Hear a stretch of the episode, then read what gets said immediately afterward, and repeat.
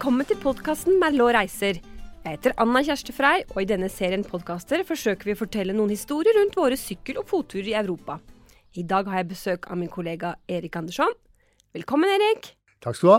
Nå skal vi ut på nye eventyr. Hvor skal vi i dag? I dag skal vi til Frankrike, på sykkeltur mellom Bordeaux og Toulouse. Så spennende. Der har jeg aldri vært, faktisk. Fortell, hvordan er det egentlig? Denne sykkelturen starter enten i Bordeaux eller Toulouse, avhengig av hvem som, hva som passer deg best. Turen og overnattingsstedene er like, uansett hvilken vei man sykler, ønsker å sykle denne turen. Jeg sykler selv fra Bordeaux til Toulouse den gangen jeg testa turen, så jeg kan fortelle om turen i denne retningen. Ja, så bra. Hvordan tar man seg til Bordeaux eller Toulouse og hjem fra den motsatte byen? Ja, det går jo både tog og buss gjennom hele Europa, men det tar jo litt tid fra Norge. Så hvis du ikke har så god tid, så er det fly som må til. I sommerhalvåret er det Norwegian som flyr direkte til, fra Oslo Gardermoen til Bordeaux, men til Toulouse går det ingen direktefly fra Norge. De som ikke har Oslo Gardermoen som sin nærmeste flyplass, må mellomlande SD Europa. KLM, SAS, Lufthansa eller Air France tar deg fra mange norske flyplasser til Bordeaux eller Toulouse med én mellomlanding. Første overnatting er i Bordeaux, og vi er vel flere som eh, har sett noen flasker vin med eh, dette navnet på etiketten. Finnes det noe annet enn vin der, egentlig? Å ja, det finnes jo massevis. Men for det første så er Bordeaux en gammel by. Den, eh, det var romerne som brakte vinen hit for et par tusen år siden, og da kalte de byen for Burdigala. Men hvis vi ser på byens eh, historie de siste hundre årene, så har det alltid vært en borgerlig styrt by av konservative politikere. Her er det gamle penger, eh, rikdom fra vinproduksjon og handel som har makta. Dette er ikke stedet for oppkomlinger og nyrike. Skal du slå opp her, bør du helst være født inn i en familie som er fjerde generasjon Bordeaux-borger for å være troverdig. En som hadde det, det var Jacques Chaban de Masse. Han var også Frankrikes yngste general etter annen verdenskrig, og krigshelt eh, var han også, og hadde nært samarbeid med landsfader Charles de Gaulle. I 1947 ble han valgt til Bordeaux' borgermester, og der ble han sittende, gjenvalgt og gjenvalgt, helt til 1995. Han satt 48 sammenhengende år inntil han selv følte seg for gammel og kasta inn håndkle. Jeg kom første gang til Bordeaux i 1993. Den gangen var det en kaotisk by. Mye biler, slitne, møkkete hus. Men ny konservativ borgermester Alain Juppé fikk banka gjennom en ny byplan, og så fulgte mange år med kaotisk byggevirksomhet. Så omtrent uh, 2007 eller noe sånt nå, så startet den nye byen gradvis å komme fram. Nye trikkelinjer som gikk adskilt fra biltrafikk. Trikken går gjennom hovedgata Cour de som har blitt stengt for biler. Mesteparten av gateparkeringen i sentrum forsvant. Skal du parkere nå, må du ned i underjordiske garasjeanlegg. I det, tidligere havneområdet langs elva ble trafikken sterkt regulert, og de gamle lagerhusene for vin har blitt pussa opp og blitt et hyggelig strøk med barer og restauranter. Bordeaux har fått orden på biltrafikken, og det virker som innbyggerne har likt endringene. For i 2020 valgte de Pierre Humic fra partiet Lever, altså Miljøpartiet De Grønne, til ny borgermester. Dermed ble en politisk trend brutt. Bordeaux er ikke lenger en bastion for de borgerlige Høyre. Greit. Nå må vi på sykkelen, Erik. Første sykkeldag skal vi ut av byen og til et lite sted som heter Camira. Hvordan forløper denne dagen? Ja, Ut av byen tråkker vi langs elva Lagaron og tar broa Pont de Pierre over på andre siden. Dette er den eldste bybroa, en mursteinsbro bygd på ordre av Napoleon og ferdig i 1822. I begynnelsen tilhørte ikke den høyre siden av elva byen Bordeaux, og man måtte betale bompenger for å krysse over. I dag er det åtte broer over Lagaron i Bordeaux. Den siste ble åpnet i 2013, har fått navnet etter den gamle borgermesteren. Ja, han som satt sammenhengende 48 år. Den heter Pont Jacques Chaban de Masse, for noe skal man jo ha for å ha sittet så lenge. Ja, ikke sant? Men vi skal videre ut av byen og mot sørøst, er det sånn? Ja, og vi følger altså elva langs bebyggelsen på høyre bredden noen kilometer, og deretter svinger vi inn til venstre på en sykkelvei anlagt på en nedlagt jernbanestrekning. Sykkelveien heter Piste Cyclable de Rocher La Pébie, oppkalt etter en gammel sykkelhelt som deltok i Tour de France i 1930-årene. Han vant sin første etappeseier i Tour de France 1933. Så kom han i unåde hos sjefen for det franske laget, Henri de, de Grange, og ble ikke tatt ut de neste årene.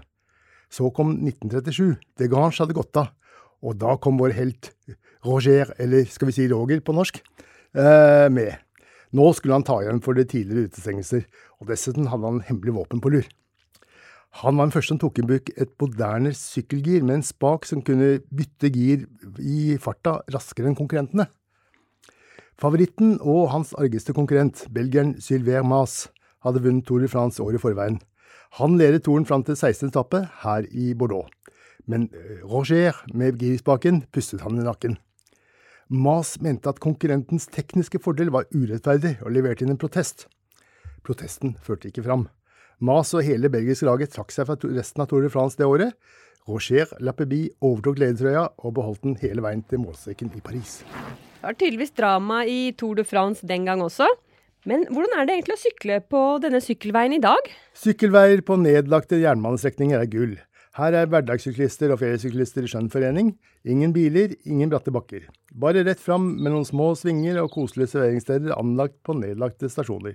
Vi glir gjennom landskapet med skogslunder og vinåkre langs veien. Dette vindistriktet heter Entre de Mer og har en egen AOC-opprinnelsesmerking for hvitvin. De produserer også rødvin her, men da under betegnelsen Bordeaux eller Bordeaux Superiør. Hold øynene åpne, for rett som det er dukker opp et skilt med en vingård som inviterer syklister inn på litt smaking. Stikk innom, smak litt vin, og plutselig har du kjøpt et par flasker som forsvinner ned i sykkelveska. Høres ut som ren idyll, dette her. Men eh, vi må jo bli sultne etter hvert. Er det noen steder å spise underveis? Ja, som passe til lunsj, så ankom vi den lille byen Crayon. Eh, det er en tett middelaldersby, eller en bastid som vi kaller det her. Trange, men rette gater, og i midten et rektakulært torg hvor vi fant flere små restauranter som passa oss bra. Deretter var det bare å tråkke videre gjennom det bilfrie landskapet, og på slutten av dagen ble det overnatting på en gjestegård i kommunen Camiran. Vi var skikkelig på landsbygda, men vi ble tatt godt imot av madame og monsieur, som serverte oss middag med kortreist vin. Så hyggelig det høres ut, da. Ja, og neste dag våkna vi opp til Hanegal og frokost det fri. Så da var vi klare for å gå på sykkelen og tråkke videre. De store koffertene overlot vi til vertskapet for å kjøre videre til neste overnattingssted i løpet av dagen. På sykkelen hadde vi med oss vann og diverse småsaker vi kunne få bruk for. Mobiltelefonen var festa til styret, og her hadde vi lasta ned dagens rute med hjelp av en app og et kart. Det var bare å følge på på småveiene. Så bra. Det høres ut som dette er et veldig bra opplegg som er enkelt å følge. Eh, men hvor skal vi videre? Ja, dagens mål er et nytt gjestehus ute på landet. Først sykler vi til eh, byen La Réole, en liten by med spor av middelalder, grunnlagt i år 977. Dette er faktisk den eneste dagen vi sykler på veier som vi deler med biler. Heldigvis er det småveier med lite biltrafikk. Framme i La Réole måtte vi på byvandring for å holde tida til lunsj. Gjennom gatene i gamlebyen går det en skilta turistløype til det gamle rådhuset fra 1100-tallet og St. Pierre-kirken med tilhørende benediktinerkloster. Trange smågater med flere hundre års historie å fortelle. Med skrittene gjennom bygatene hadde vi opparbeidet oss litt appetitt, eh, og vi fant oss en liten restaurant med noen småretter. Lunsjstedet vårt hadde også en bar og, og tobakkutsalg. Her var det livlig trafikk av lokale monsieur og madammer forbi. Det var tydelig at det var gamle kjenninger, for folk hilste høflig på hverandre og satte seg ned for en kopp kaffe eller en liten knert. Rugbylaget er tydeligvis byens stolthet, og i en monter var det trangt om plassen med pokaler og bilder av heroiske øyeblikk. Her følte vi oss inkludert blant de innfødte. Ja, Det var nesten som vi blinka ut datoen for neste hjemmekamp. Heia Lariol! Dere kunne jo ikke bli sittende der hele dagen. Turen fortsetter, og lunsjen over. Hvor går ferden videre, Erik? Ja, Det er jo lett å glemme seg bort når man er på tur, men plutselig var en av oss som så på klokka, og jøss, den var jo nesten blitt tre på ettermiddagen. Vi må videre. Vi tok oss ut av byen, og like sør for sentrum kom vi til kanalen som går parallelt med elva Lagaron. Det var bare å legge seg på den lille sideveien som følger kanalen, og tråkke i vei. Denne kanalen skal vi, vi faktisk følge helt til Toulouse. Første dagen med kanalsykling var relativt kort. Deretter tok vi av fra kanalen og havna på et nytt gjestehus for natta. Trivelige folk som ønsket oss velkommen med store, fine rom. De hadde ingen middagsservering, men monsieur kjørte oss til en restaurant i nærheten og henta oss når måltidet var over. Jøss, yes, veldig service-minded, da. Høres som eh, folk er skikkelig gjestfrie her. Hva skjer neste dag? Jo, det var opp på sykkelen og tråkke vei til neste mål, Sørignac sur Garonne. Først noen kilometer med småvei, og deretter den gamle slepeveien som følger langs kanalbredden. Her gikk hestene og trakk båter før de fikk sin egen motor. Hestene er borte, men veien ligger ennå. Denne kanalen brukes ikke lenger for frakt av varer. Her er bare fritidsbåter og folk som sitter på dekk og glaner utover landskapet, mens båten glir sakte framover. Vi glir også sakte gjennom landskapet, men vi får litt mer mosjon. Enkelte steder kommer det til sluser. De er automatiserte, men slusevokterens gamle hus er fremdeles i bruk enten som vanlige boliger eller som serveringssteder. Slusene skaper litt liv og røre langs kanalen, båtene skal opp eller ned en meter eller to. Iblant er det kø, serveringsstedene ved slusene gir mulighet til en stopp og litt forfriskninger underveis. Aller mest på torsdag til søndag, for da er de lokale ute på enten sykkeltur eller med båten. Men blir det ikke monotont eh, langs kanalen hele tiden? Ja, det er jo ikke bare kanalsykling. For enkle steder er det naturlig at man tar av fra kanalen, tråkker gjennom en liten by, for så å komme tilbake igjen litt lenger bortenfor. Ja, Er det lenge siden kanalen hadde båter som fraktet varer? Ja, siste båten for transport av varer på denne kanalen gikk omtrent år 2000. Elva Garonne er en lunefull elv å navigere på. Mange grunner og andre steder med kraftig strøm. I tillegg kom, kommer det gjerne en vårflom med masse vann, mens somrene ofte kunne være tørre og skapte lavvann. I 1820-årene ble ideen tent om å lage en kanal som gikk parallelt med elva, for å gjøre båttrafikken sikrere. Det tok noen år med planlegging, og arbeidet startet med utgraving fra Toulouse og vestover mot Moissac. Bitvis ble kanalen ferdigstilt, helt i området omkring Lariol, men samtidig ble jernbanen bygd ut i Frankrike. Når kanalen, kanalen var ferdig, hadde det også blitt bygd jernbanelinje mellom Bordeaux og Toulouse, og dermed var det to konkurrerende transportårer. Hvis grunnleggerne hadde visst hvilken utvikling som skulle komme på jernbane og vei, så hadde denne kanalen aldri blitt bygd. Nå ligger den der, bare til fritidsbygg. Så interessant, nå har jeg lært litt også. Eh, hvordan var byen dere overnattet i, Serignac-sur-Garonne? Ja, Det er en liten landsby typisk for regionen. Turen rundt sentrum er fort gjort, noen små butikker og en havn med fritidsbåter. Er du hekta på kirker og kirkespill, så vil du trives her, Anne Kjersti. For byen har en perle av en romansk kirke fra 1100-tallet, og kirkespiret det er det eneste i sitt slag i regionen. Et åttekantet, vridd kirkespir i skiffer. Wow! Dette kan du altså nyte i en stille landsby nesten uten andre turister? Ja, altså vi er jo på bygda. Søgnac-Garonne er jo ikke nedrent av turister, akkurat. Men denne landsbyen er et godt eksempel på disse små landsbyene som finnes i den regionen. Her kan du nyte stemningen i ro og fred, og feire at du har gjennomført to sykkeldager på vei til Toulouse, eller tre sykkeldager på vei den andre retningen. Ja, og dere våknet opp til den tredje sykkeldagen. Og hvordan gikk den? Ja, På denne dagen er det ca. 15 km å sykle inn til regionshovedstaden Agen en mellomstør by som ofte dukker opp som referanse på menyer i franske restauranter. Og i hvilken sammenheng da? Jo, regionen er kjent for sine plommer, som selvsagt også kan tørkes til å bli svisker. Når en rett på menyen har et navn med referanse til ordet aja, så er dette et kodeord. Og det betyr at den inneholder enten plommer eller svisker. Ok, så dere syklet inn og spiste plommer? Ja, altså denne dagen vi sykla her, så sammen med vi, våre venner, så var den eneste dagen som værmeldinga ikke var spesielt bra. Eh, det var meldt regn på ettermiddagen, eh, men på formiddagen var det ikke noe såre pent ut. På en sykkel er man utsatt for vær og vind, og du kan bli veldig våt. Men heldigvis finnes det alternativer på denne dagsetappen. Fra Agen går det lokaltog til Moissac, og her kan man ta med sykkel. Halvparten av mitt reisefølge valgte toget med sykkelen. Jeg var med i Vågal, håpet på at regnet ikke skulle bli så ille, og lurte med meg to andre på å trosse værmeldinga og gjennomføre syklinga.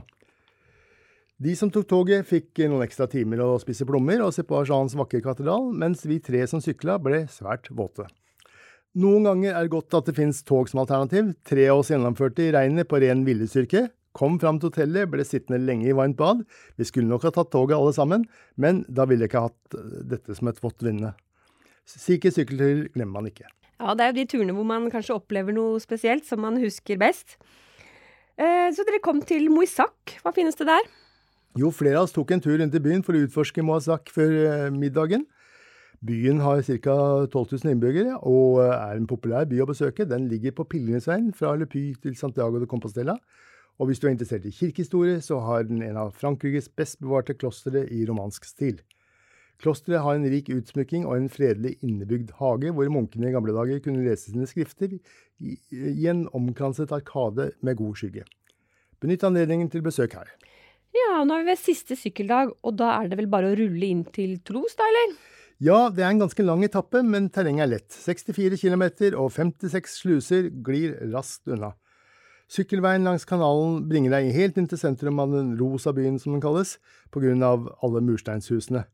Sentrum er ganske kompakt, med gater som leder fra jernbanestasjonen via rådhuset på Place du Capitol og videre ned til elva La Garonne. Denne byen lever av moderne industri, spesielt luftfart. Her er mange studenter, for Toulouse er en stor universitetsby. Byens største arbeidsgiver er Airbus-fabrikken, som ligger rett ved flyplassen. Det er her flyene settes sammen, og med deler som flys inn fra andre land i Europa på transportfly som ser ut som gravide gjess. Fabrikken ser du fra terminalbygget på flyplassen. Den ligger på andre siden av rullebanen. Bordeaux og Toulouse er ganske jevnstore. De er veldig forskjellige. Bordeaux er tradisjonsrik og konservativ. Toulouse er ung, hipp og moderne. Selvsagt er de rivaler, og det er høy temperatur når disse lagene braker sammen på en idrettsbane, spesielt på rugbykamper. For i denne delen av Frankrike er det rugby som er den store idretten, større enn vanlig fotball. Ja, da er vi ferdig med selve sykkelturen, Erik. Så har vi litt praktisk informasjon. Denne turen har mulig avgang hver dag fra 1. april til 31. oktober. Det holder at man er minimum to personer, så er man en liten gruppe. Det er selvsagt enda hyggeligere å være flere personer sammen. Vi bestiller hotellene, og når alt er i orden derfra, så får du en bekreftelse av oss, slik at du kan bestille reisen nedover. Snakk med våre reiseeksperter, så får du råd om reisen med fly eller annet til Frankrike. Det er selvsagt mulig å være flere netter i Bordeaux og Toulouse, i forkant eller etterkant av syklingen. Da kan du kanskje få med deg en rugbykamp også? Ja, og husk at alt du bør vite om denne turen fins på våre hjemmesider. merlot.no eller merlot.no. Supert. Så har vi noen eh, faste spørsmål i disse podkastene våre. Eh, først, eh, hvordan er terrenget? Ja, du behøver ikke late som du er Roger Lapéby for å være med her. På sykkelveien første sykkeldag ut av Bordeaux er det lette bakker, beregnet for tog. Litt mer bakkete annen sykkeldag, strekningen fra overnattingssted til der du er ved kanalen. Langs kanalen er det flatt og ofte skyggefulle trær. Det er flere dager mulig, mulig å jukse med sykkel på lokaltoget hvis vær eller formen skulle være dårlig. Og hvordan finner jeg veien egentlig underveis? Ja, Så lenge du følger sykkelveien eller kanalen, så er det bare å følge på. Utfordringen er å passe på å ta av på riktige stedene for å komme til overnattingsstedet eller innom en, en by i nærheten. Du får tilgang til en app med et GPS-spor. Eh, Syns du det er vanskelig, så får du også en engelsk veibeskrivelse på papir. Ja, så hva slags eh, overnattingssteder er det på turen? Gode tre- og firestjerners hoteller og to overnattingssteder på komfortable gjestegårder, hvor du blir tatt godt imot av vertskapet. Og hvilken årstid egner seg best for denne turen, syns du, Erik? Ja, vår og høst er jo fin tur for den turen, men øh, sommeren kan jo bli litt varm. Men du har jo skyggefulle trær langs øh, kanalen. Og hvordan er veiene å sykle på? Denne turen går 90% på bilfrie sykkelveier, og det resterende 10% er stort sett småveier på landet. Det er korte strekninger i urban bytrafikk i Bordeaux og Toulouse. Da gjelder det å sykle defensivt og ha god tid. Sykkelveiene er stort sett asfalterte. Men klarer jeg meg her uten uh, turleder, Erik? Det er jo ikke noe problem, Anna Kjersti. Eh, Du får tilgang til en app med digital veibeskrivelse og skriftlig veibeskrivelse på engelsk på første hotellet. Det er jo allment kjent at alle i Frankrike ikke er så gode i engelsk, men slapp av. Ta det med ro. Du er på landet. Her har folk mer tålmodighet enn i travere urbane strøk. Ja, det høres betryggende ut. Hvordan er det med variasjonsmuligheter i tilfelle dårlig, dårlig vær eller uh, du har en sliten kropp? Ja, det er jo flere dager med togmuligheter hvor du kan ta med deg sykkelen på toget, og ja, så det Du kan vurdere det underveis. Ja, så bra. Eh, da er det altså mulig å stå ved en tappe om man ønsker det, forstår jeg. Det er fullt mulig. Ja. Men du Erik, eh, da har vi hørt litt om denne turen langs kanalen i Frankrike. Jeg håper lytterne har fått eh, god inspirasjon til sin neste ferietur. Og vi kan vel ikke få gjentatt mange nok ganger hvor fint vi syns det er med slike ferieturer som dette her. Eh, Du får være aktiv hver dag, du besøker små hyggelige steder utenfor allfarvei som eh, du ellers ikke hadde fått komme til. Og for ikke å snakke om den gode maten, de hyggelige menneskene og det gode klimaet lenger sør i Europa, selvfølgelig. Da er vi nok en gang ved veis ende. Jeg takker for praten, eh, Erik. Tusen takk, Anna Kjersti. Og for dere som hører på, så er det mer informasjon å finne på merlot.no eller vrot.no. Supert. Ha det bra, Erik. Ha det bra.